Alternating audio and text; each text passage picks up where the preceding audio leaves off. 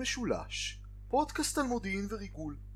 כאן דני אורבך מהחוגים להיסטוריה ולימודי אסיה באוניברסיטה העברית בירושלים.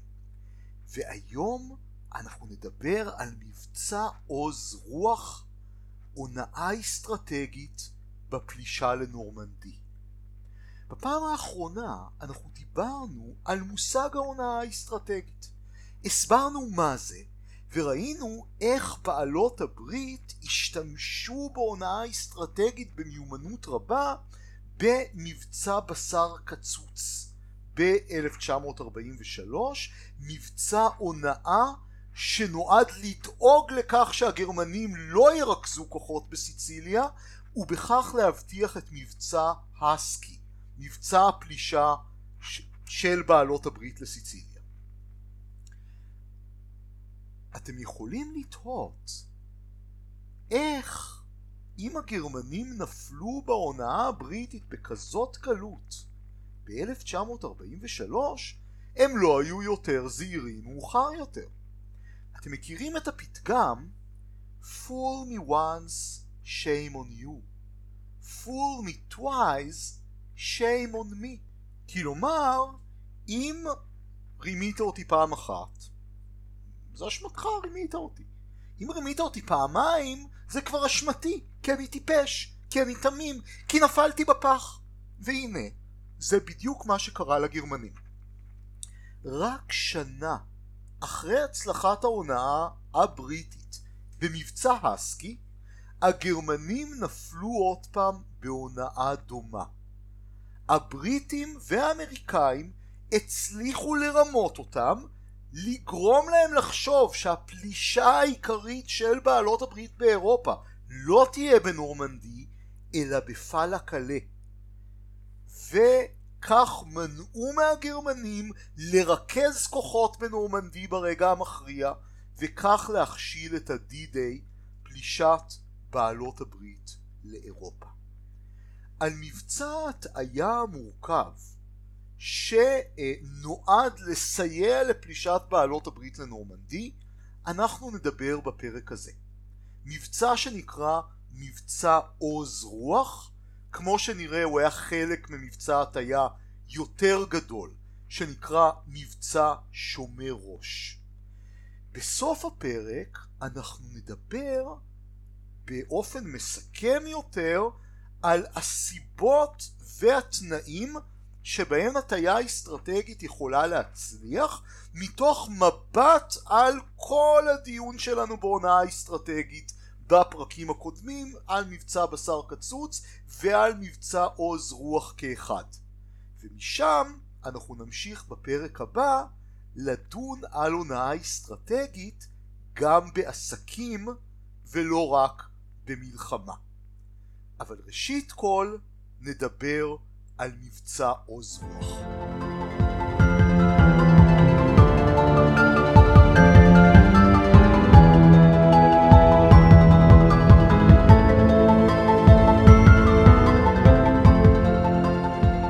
לאחר דיונים רבים, בעלות הברית המערביות החליטו לקבוע את תאריך הפלישה שלהם למבצר אירופה של היטלר לחודש יוני 1940 1944.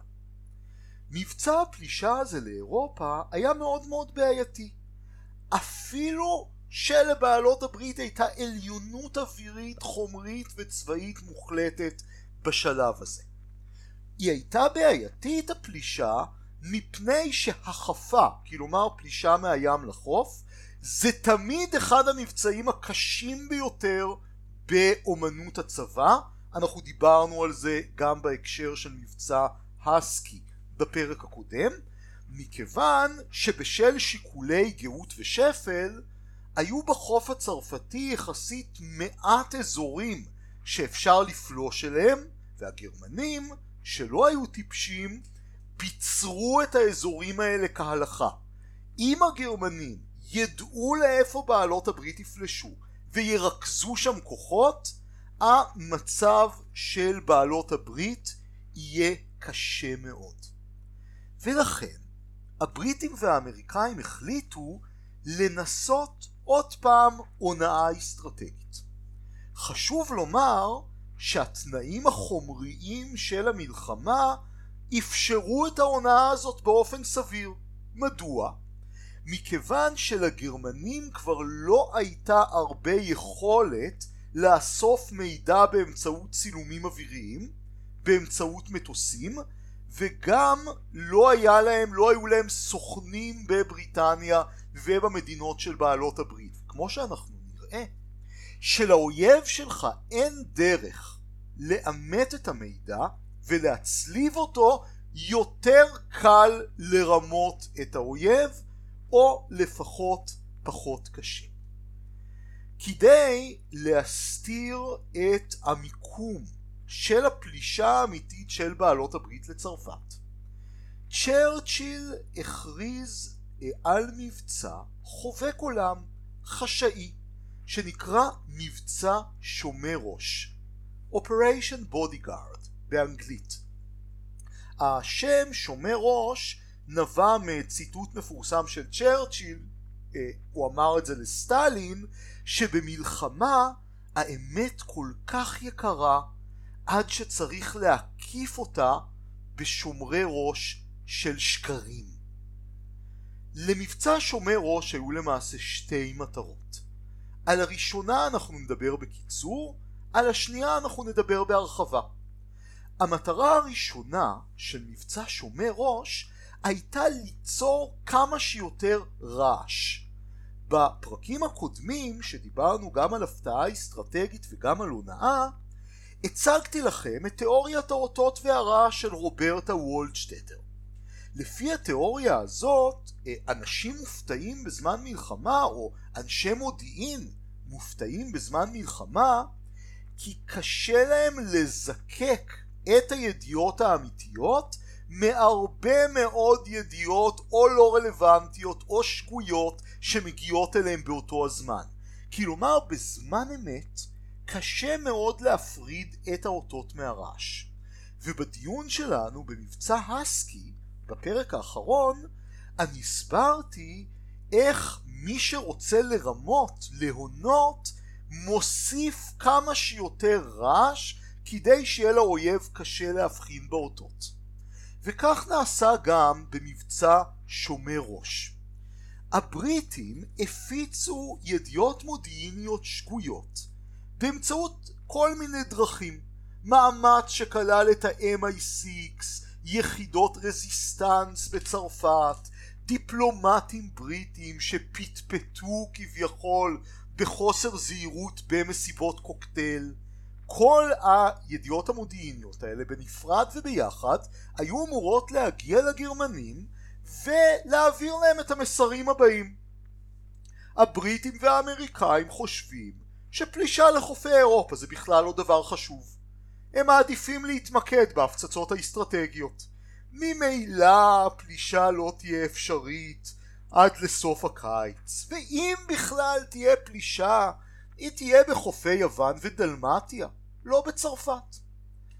כל זה נועד כאמור להרחיק את הגרמנים מפענוח האותות המודיעיניים שקשורים בפלישה ותזכרו מאוד מאוד קשה לבצע פעולה צבאית גדולה ובטח פעולה פלישה והחפה בלי שהפעולה הזאת תשאיר חותם מודיעיני שהאויב יקלוט ולכן המטרה שיהיה כמה שיותר רעש כדי לבלבל את האויב ולגרום לו שלא להבחין באותות. אבל זה לבד לא היה מספיק. בעלות הברית השתמשו גם בטריקים, הייתי אומר ממש קרקסיים.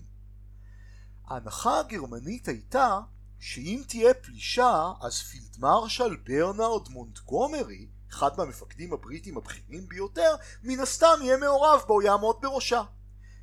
הבריטים לקחו שלם צבאי שהיה בעל דרגה נמוכה שהיה מאוד דומה למונטגומרי, כפיל שלו, ונתנו לאותו שלם להסתובב בגיברלטר כדי שיגיעו על זה ידיעות לגרמנים והגרמנים יחשבו אם מונטגומרי נמצא בגיברלטר אז הוא מן הסתם לא מכין חיל פלישה לצרפת. אבל כל זה היה רק המרכיב הראשון של מבצע שומר ראש, הגברת הרעש.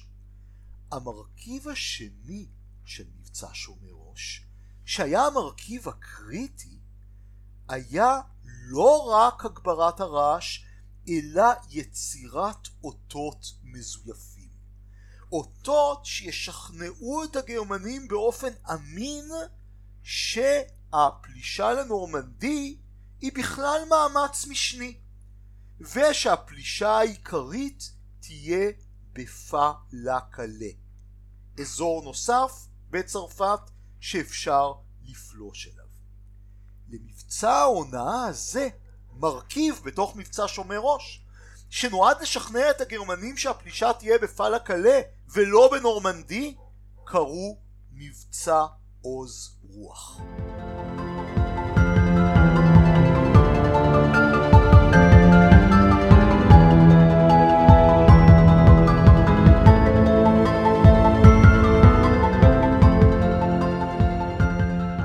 מבצע עוז רוח היה מחולק לשני חלקים ושניהם כאמור נועדו להונות את הגרמנים ולנסות לשכנע אותם שכאמור הפלישה לנורמנדי היא מאמץ משני ובמאמץ העיקרי בעלות הברית מתכננות לפלוש למקומות אחרים.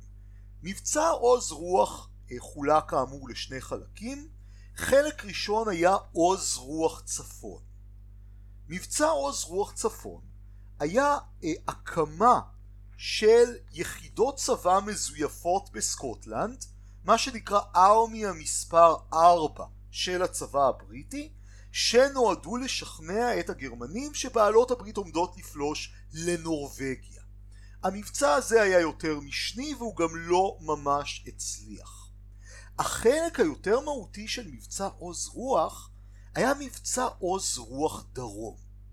במסגרת מבצע עוז רוח דרום הקימו במחוז קנט בבריטניה קבוצת ארמיות מזויפת של הצבא האמריקאי שנקראה פוסאג. קבוצת הארמיות מספר אחד של הצבא האמריקאי. המפקד של אותה קבוצת ארמיות מזויפת היה הגנרל המפורסם ג'ורג' פטון זה נועד כאמור לשדר אמינות מכיוון שאם תהיה קבוצת ארמיות שתפלוש לצרפת יעמידו בראשה מפקד מפורסם כמו ג'ורג' פטון. וכדי ליצור את קבוצת הארמיות הפיקטיבית הזאת בעלות הברית נקטו באמצעים מאוד מאוד נרחבים ומגוונים של הונאה. למשל כמות עצומה של שדרי רדיו שהם מדמים פעילות של יחידה צבאית גדולה, מתקנים פיקטיביים שהוקמו ונועדו להטעות את הגרמנים. אבל מה הייתה הבעיה? בשלב הזה של המלחמה הצבא הגרמני נחלש מספיק והמודיעין שלו הידרדר מספיק עד שלגרמנים כבר לא היו די יכולות סיגינטיות וויזינטיות, כלומר האזנה לשיחות וצילומי אוויר כדי לקלוט את ההונאה הזאת במלואה. ולכן מרכיב מאוד מאוד חשוב של ההונאה היה מרכיב יומינטי. כלומר הבריטים והאמריקאים השתמשו בסוכנים כפולים ועל מערך הסוכנים הכפולים אנחנו כבר דיברנו בפרק רביעי של הפודקאסט הזה כדי לשכנע את הגרמנים שהמאמץ העיקרי של הפלישה לא יהיה בנורמנדי.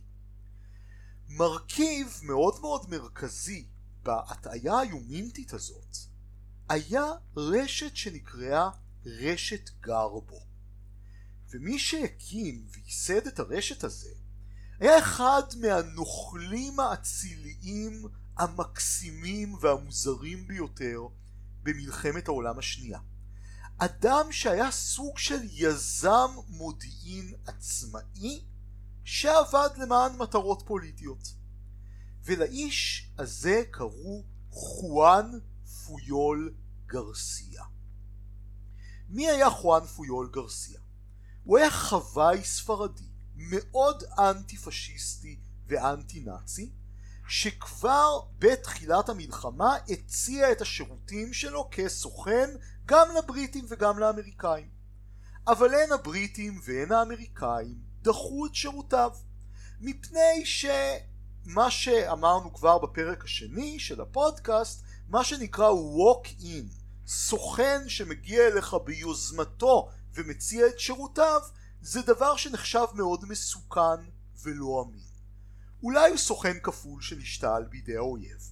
ולכן, הבריטים והאמריקאים דחו את שירותיו של גרסיה, ואותו ספרדי שלא התייאש, החליט להטעות את הגרמנים מיוזמתו שלו.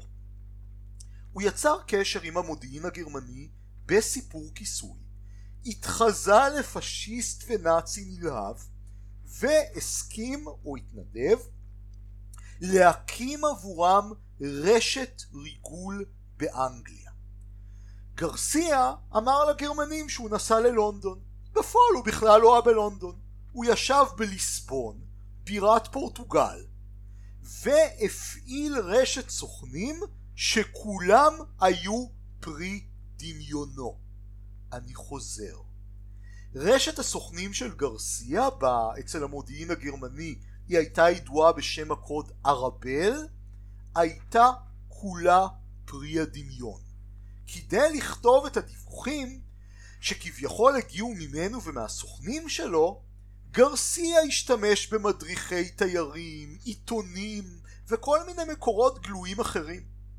מה שאירוני בכל הסיפור הזה, שגרסיה עשה המון טעויות. הוא כתב על סוכן סקוטי כביכול, כאמור דמות מומצאת שהוא ימכור כל אדם עבור ליטר יין.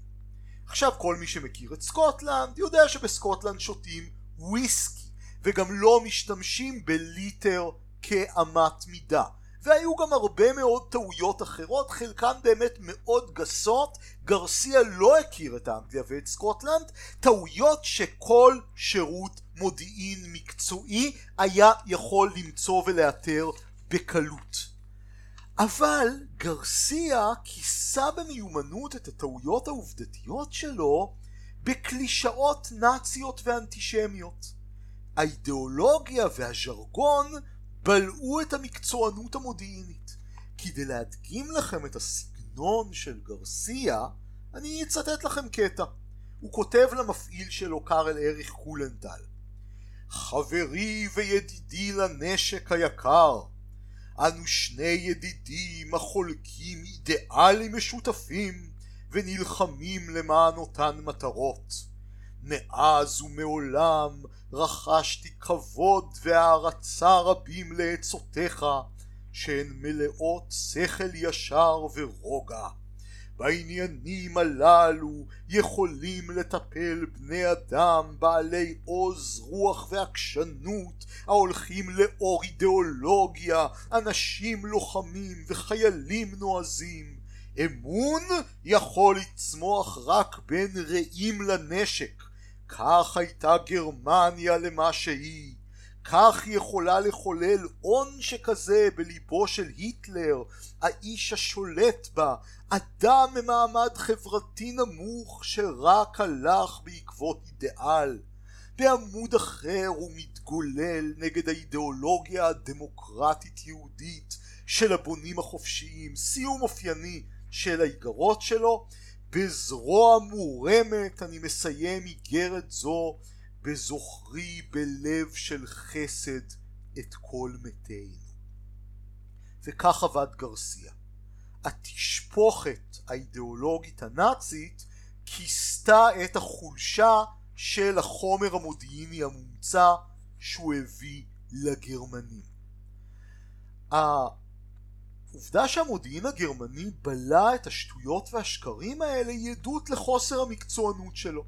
וזה לא רק עניין של אידיאולוגיה, כלומר הזדהות עם גרסיה שהיה נאצי נלהב, למרות שגם היא מילא תפקיד. אלא העובדה שדיברנו עליה כבר בהקשר של מבצע אה, בשר קצוץ בפעם שעברה, שראש האבבר, המודיעין הגרמני בספרד, אה, אה, קארל אריך קולנטל, היה אדם שמאוד רצה לרצות את עליו. וברגע שהוא השיג שטף של מידע איכותי מגרסיה, הוא התמכר למידע הזה.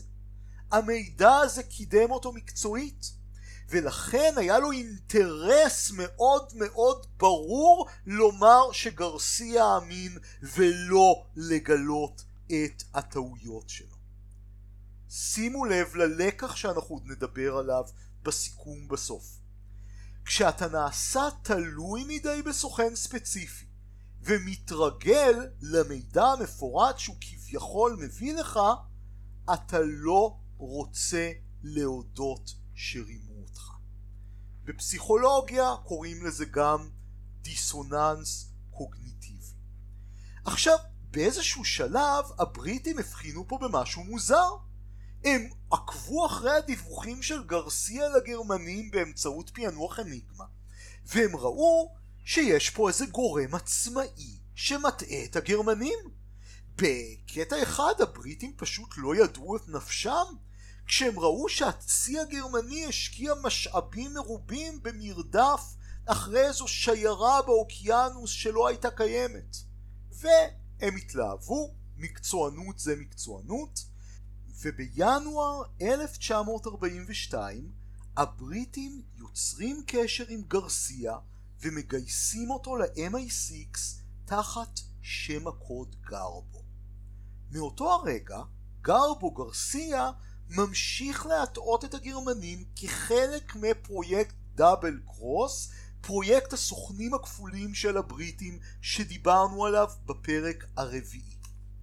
בשלוש השנים הבאות הוא שולח למפעילים הגרמנים שלו, שימו לב לכמויות, 1399 שדרים ו-423 מכתבים, ובהם כמו כל סופר פנטזיה או יוצר עולם הערכה של משחקי תפקידים טוב, גרבו גרסיה בורא עשרות דמויות.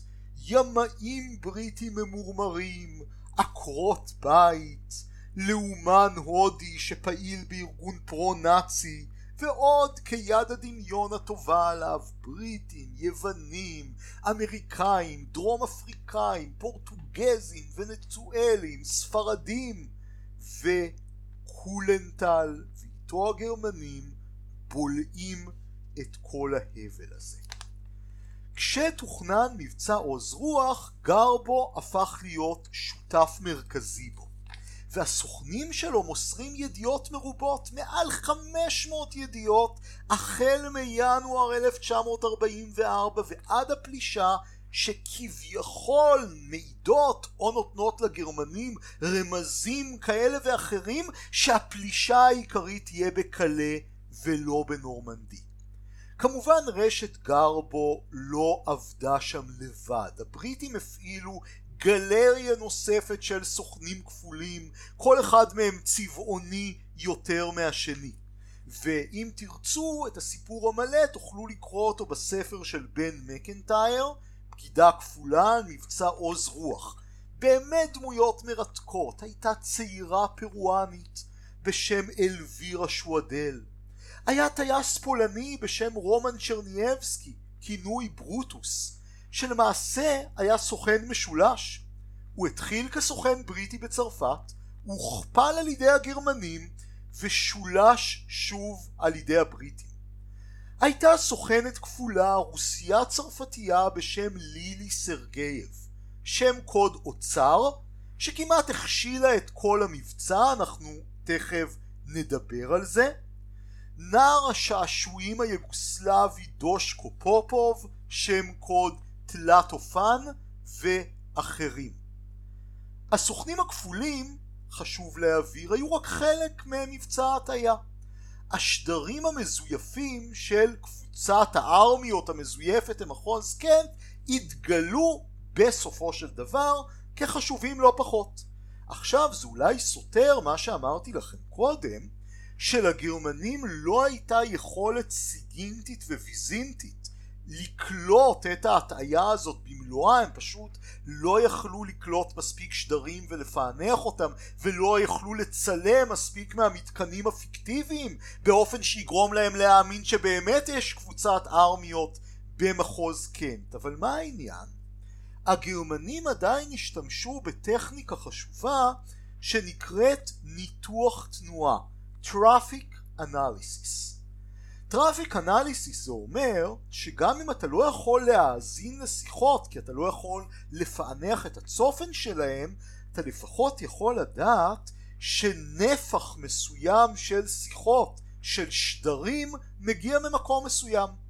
ומקום שיש בו נפח גדול של שיחות צבאיות זה מקום שיש בו גם יחידה צבאית גדולה. מפה אני רוצה רגע לעזוב את הצד הבריטי ולהרחיב על הצד הגרמני. איך ולמה הם בלעו שוב את ההטייה של בעלות הברית.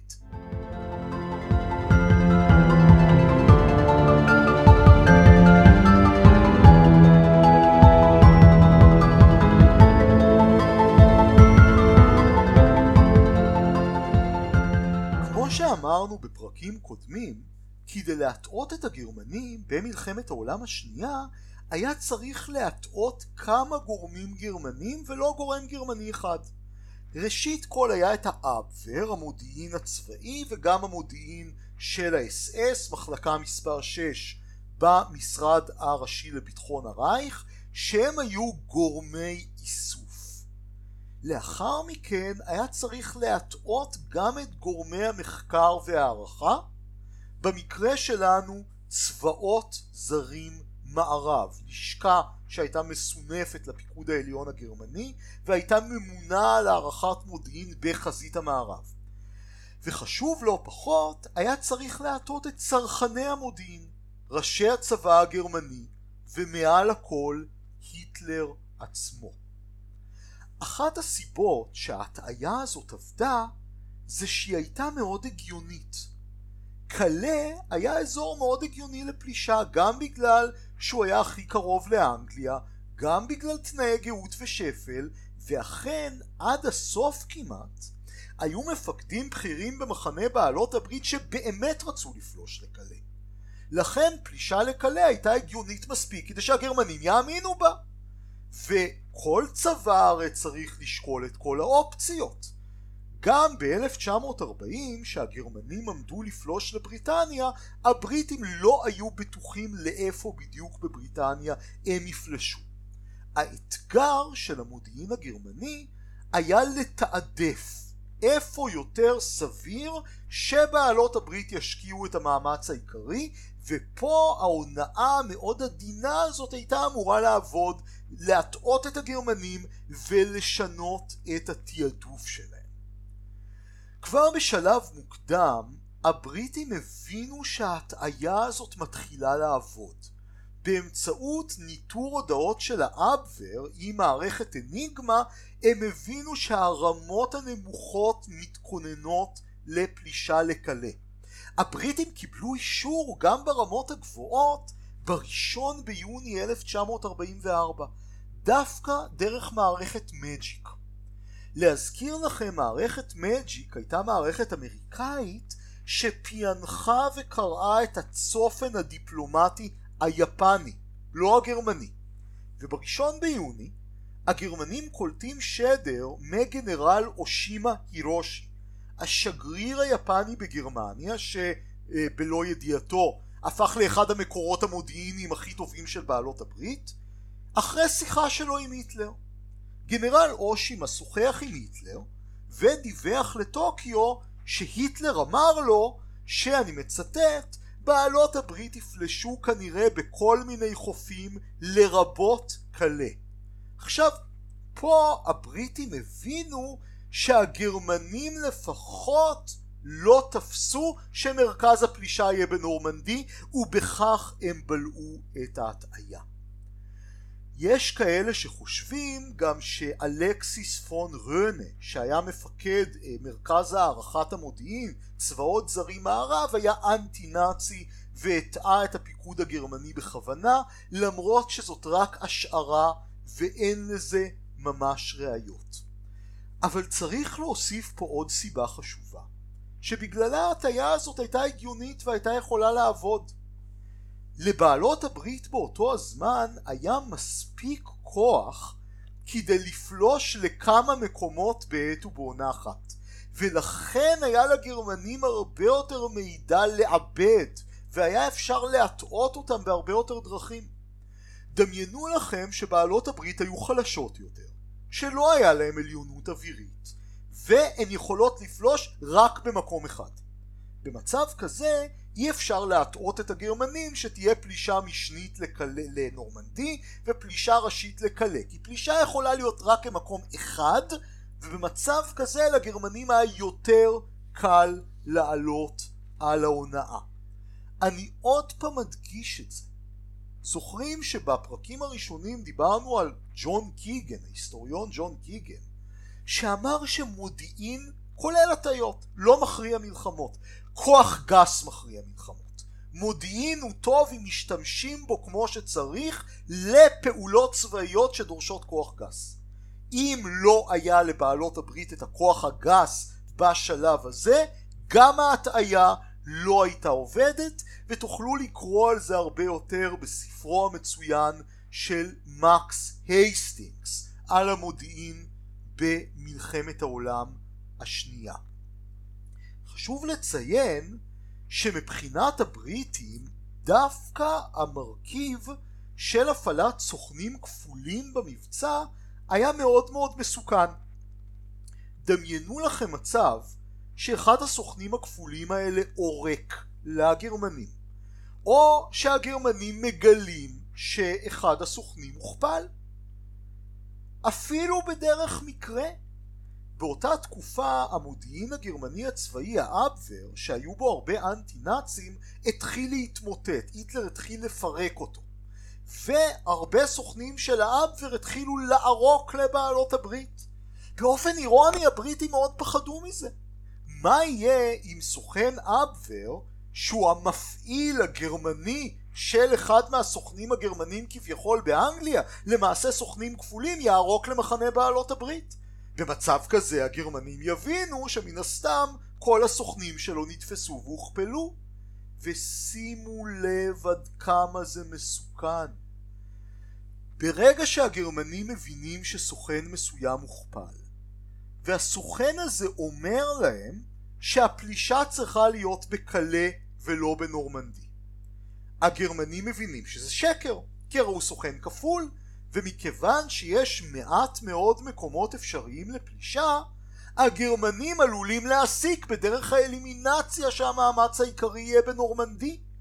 אני מדגיש את זה כדי שתבינו איך הפעלת סוכנים כפולים עלולה להיות חרב פיפיות, ולא רק להטעות את הגרמנים, אלא לאפשר להם לסנן את האותות מהרעש ולהבין לאיפה בעלות הברית עומדות באמת לפלוש.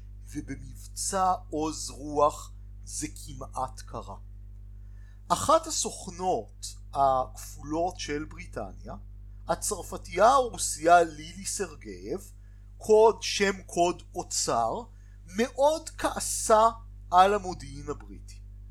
היא כעסה על המודיעין הבריטי כי לא נתנו לה להביא לבריטניה את הכלב האהוב שלה, באבס, וכנראה הרגו אותו, או הזניחו אותו עד שהוא מת, המודיעין הבריטי התייחס אליה בהמון התנשאות, שנתנו לה דירה בלונדון, הכריחו אותה לשלם שכר דירה והחתימו אותה על חוזה משפיל שהיא צריכה לשמור על ניקיון השטיח, לא שיפו אותה על מזוודה שאיבדה, ובמשך כל מהלך המבצע לילי סרגייב חככה בדעתה האם לבגוד בבריטים?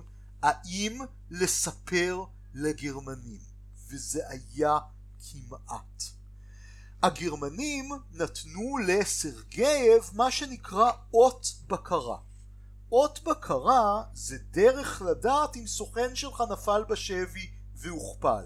איך זה עובד? נגיד אומרים לך בשדרים רגילים שאתה שולח תעשה שגיאת כתיב מסוימת כל עשרים מילים ואם מישהו תופס אותך והוא לא מכיר את אות הבקרה אתה פתאום תשלח שדר בלי שגיאות כתיב שמי שתפס אותך יחשוב שזה בסדר גמור כי אין סיבה שתכניס שגיאות כתיב. אבל המפעיל שלך שיודע שאמורה להיות שגיאת כתיב כל עשרים אותיות או כל עשרים מילים יבין שנפלת בשבי. וגם ללילי סרגייב היה אות בקרה כזה לפי מה שהגרמנים הסכימו איתה אם היא תשים שני מקפים בהודעה סימן שנתפסה. הפיתוי שלה לבגוד היה אדיר היא לא סיפרה לבריטים על אות הבקרה שלה כדי שתהיה לה את האופציה לבגוד היא, לא החליט, היא החליטה לא לבגוד בסופו של דבר. אבל שימו לב לכמה היסטוריה יכולה להיות מושפעת במקריות סוכנת כפולה אחת שהייתה בוגדת כי כעסה על מה שעשו לכלב שלה ואיך שהתייחסו אליה הייתה יכולה להכשיל את מבצע עוז רוח ולפגוע באופן מאוד מאוד חמור בנחיתה בנורמנדי. כמו שאומר שיר הילדים, בגלל מסמר נפלה פרסה, בגלל פרסה נפלה סוסה, בגלל סוסה נפל פרש, בגלל פרש נפלה העיר, הכל בגלל מסמר זעיר. ובינתיים יום הפלישה לנורמנדי הלך והתקרב.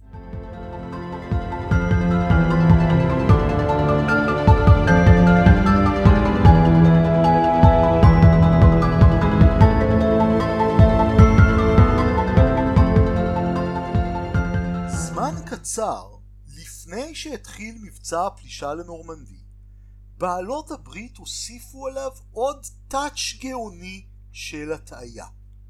גר בו גרסיה שמבין הסוכנים הכפולים היה הסוכן הכפול המחובב והאמין ביותר על הגרמנים מסר בהוראת הבריטים לגרמנים את המועד והמיקום המדויק של הפלישה לנורמנדי.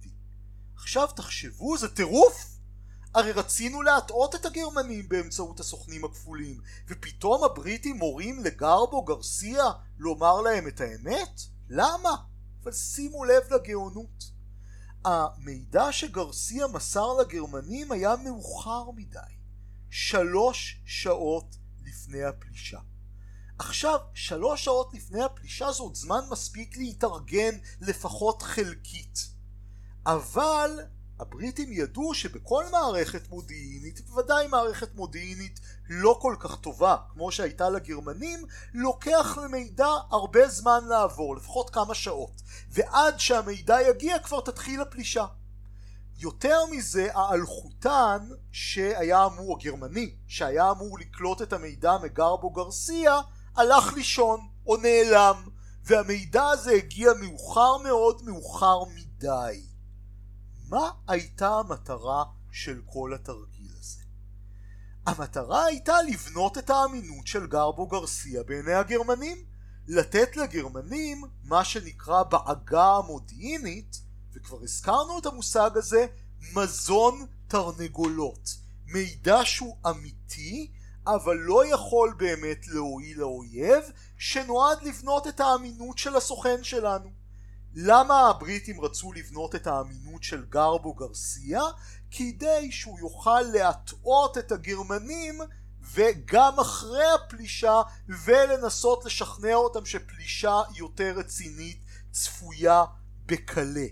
לגרבו גם היה יכול לקחת אחרי זה מול המפעילים הגרמנים שלו את הפוזה של נביא הזעם המיוסר. הוא נזף בגרמנים ואמר להם אם הייתם מקשיבים למידע שלי הייתם מונעים את הפלישה לנורמנדי וכך הבריטים היו יכולים להמשיך להכיל את הגרמנים במידע מוטעה גם אחרי הדי-דיי. מה היו התוצאות של כל זה? מבצע עוז רוח לפי רוב החוקרים הצליח באופן יוצא דופן. לא רק שהגרמנים האמינו בהטעיה שהפלישה העיקרית תהיה בקלה, גרבו גרסיה המשיך להטעות אותם גם אחר כך שצפויה פלישה בקלה. בדיוק מהסיבה הזאת לא העירו את היטלר משנת צהריים כשהפלישה התחילה מכיוון שהם חשבו שזאת פלישה משנית ואין טעם להעיר את הפירר. זאת הייתה טעות גדולה. מכיוון שהייתה דיוויזיית אס אס משוריינת שרק היטלר היה יכול להזיז אותה ובדיוק מהסיבה הזאת היא לא זזה בזמן. הגרמנים גם לא העבירו את הכוחות המאוד משמעותיים של גנרל פון זלמוט בארמיה ה-15 בקלה דרומה לנורמנדי כי הם עדיין חששו מפלישה לקלה. כלומר המבצע ריתק כוחות גרמניים לקלה בשעה המכריעה ובכך אפשר את הצלחת הדי-דיי. אנחנו יודעים על זה מהצלבת העדויות של אייזנהאואר המפקד האמריקאי עם עדויות גרמניות שלאחר המלחמה בעיקר עדותו של גנרל יודל מפקד אגף מבצעים בפיקוד העליון הגרמני. כסוג של פרפראה לסוף, מעניין לציין את היחס של המודיעין הסובייטי למבצע הטעיה עוז רוח. הבריטים לא שיתפו את הסובייטים במבצע. אבל הסובייטים למעשה ידעו עליו הכל בזמן אמת דרך המרגלים שלהם במודיעין הבריטי. מה שנקרא חמישייה של קיימברידג' ובמיוחד אנטוני בלאנט שפעל ב-MI5 זה המסוכן מאוד מכיוון שאם הייתה לגרמנים חפרפרת במודיעין הסובייטי הם היו יכולים לדעת על מבצע הטעיה ולהכשיל אותו למרבה המזל לא הייתה לגרמנים חפרפרת במודיעין הסובייטי אבל המציאות אפילו יותר מורכבת מאשר אמרתי לכם עכשיו. תראו כמה העסק הזה הוא הטעיה על הטעיה על הטעיה. המפעילה של אנטוני בלנט, ילנה מודרז'ינסקיה, קיבלה מידע מפורט על ההטעיה, אבל היא הייתה בטוחה שמבצע עוז רוח הוא לא הטעיה אמיתית של הגרמנים, הוא למעשה מזון תרנגולות שנועד להטות את הסובייטים. סובייטים ידעו שהבריטים מטעים את הגרמנים באמצעות סוכנים כפולים והם חשבו בטח הם מטעים גם אותנו באמצעות סוכנים כפולים ואולי גם אנטוני בלנט הוא סוכן כפול לכן המודיעין הסובייטי הסיק בהפוך על הפוך שהפלישה לא תהיה בנורמנדי אלא בקלה כלומר אם היה חפרפרת גרמנית בתוך המודיעין הסובייטי אולי הייתה מוסרת לגרמנים את הערכה שהפלישה תהיה בקלה ובכך מחזקת את ההטעיה ולא מחלישה אותה.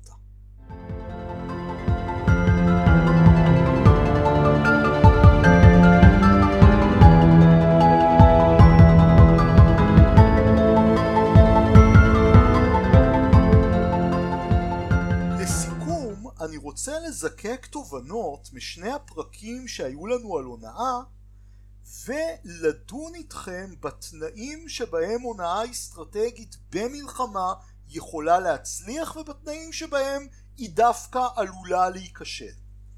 ראשית כל, הונאה נכשלת כשהיא רחוקה מדי מהמציאות.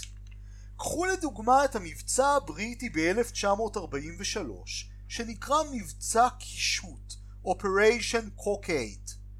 הבריטים ניסו באמצעות סוכנים כפולים וידיעות פיקטיביות אחרות לרמוז לגרמנים שהם מתכוננים לנחות בבריטן, נורבגיה או אתרים אחרים כדי לעכל את הלחץ מעל סיציליה ולסייע למבצע הסקי.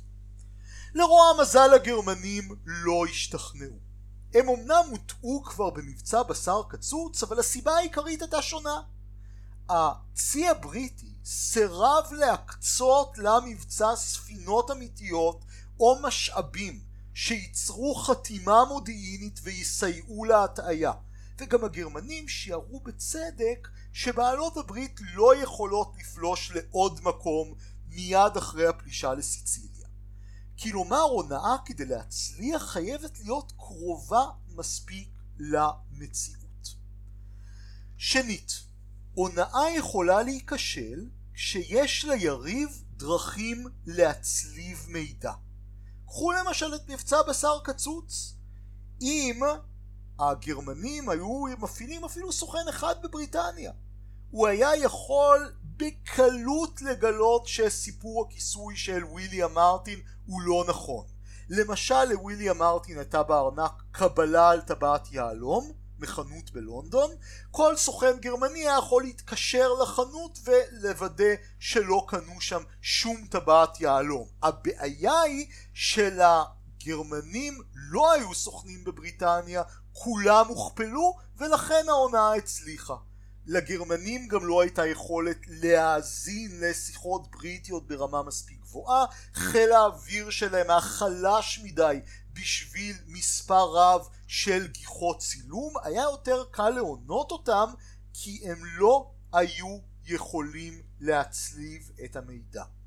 יריב שמחזיק במקורות מידע מגוונים ויכול להצליב אותם, יותר קשה להונות, אם כי עדיין אפשרי, כי יש גם כשלים קוגניטיביים, יש נקודות עיוורון וכיוצא בזה. הונאה, וגם את זה למדנו בדיון על מבצע בשר קצוץ, מצליחה כשהיא אומרת ליריב מה שהוא רוצה להאמין בו ממילא, או כמו במקרה של קולנטל עם גרבו גרסיה, אם המפעיל מתמכר למידע שהסוכן נותן לו והופך את המידע הזה לקרש קפיצה לקריירה של המפעיל עצמו, במקרה כזה המפעיל פסיכולוגית לא ירצה להודות בינו לבין עצמו שהסוכן לא אמין ולכן קל יותר להטעות אותו. ולבסוף, ושימו לב לדיון שלנו על פרדוקס הבידיון שדיברנו בפרק השמיני על פרשת דרייפוס. בהונאה יש מתח ברור בין מידע ברור למידע מרומז. כשאתה רוצה להונות את היריב שלך תיזהר מאוד שהמידע לא יהיה מפורש מדי. גם במבצע בשר קצוץ, גם במבצע עוז רוח, הבריטים ניסו לפזר לגרמנים רמזים שהם ירכיבו בעצמם לתמונה קוהרנטית אבל שגויה, כמובן בהתאם למה שהגרמנים ממילא רוצים להאמין בו. אם הסיפור יהיה קוהרנטי אם כל המידע שהבריטים ייתנו לגרמנים יצטלב לתמונה חסרת סתירות, זה שקוף מדי, זה לא אמין, ברור שזה הונאה. המידע חייב קצת לסתור את עצמו שהוא ייראה כמו בליל של מידע שבאמת מגיע במציאות. אותות שמעורבבים ברעש. אבל אם הרמזים יהיו עמומים מדי, הצד השני יכול פשוט לא להבין אותם. ולא לקלוט את ההטעיה. כלומר, הטעיה היא משחק מאוד עדין בין בהירות לבין עמימות.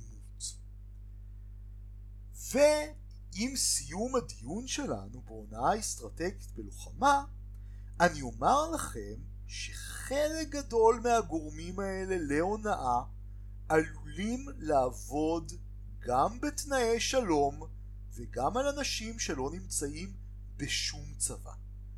בפרק הבא נחתום את הדיון שלנו בהונאה בדיון באחת ההונאות המרהיבות ביותר שהיו בעולם העסקי, זיוף שגרם לאנשי עסקים מהמנוסים ביותר בעולם לזרות מיליונים לרוח, הזיוף של יומני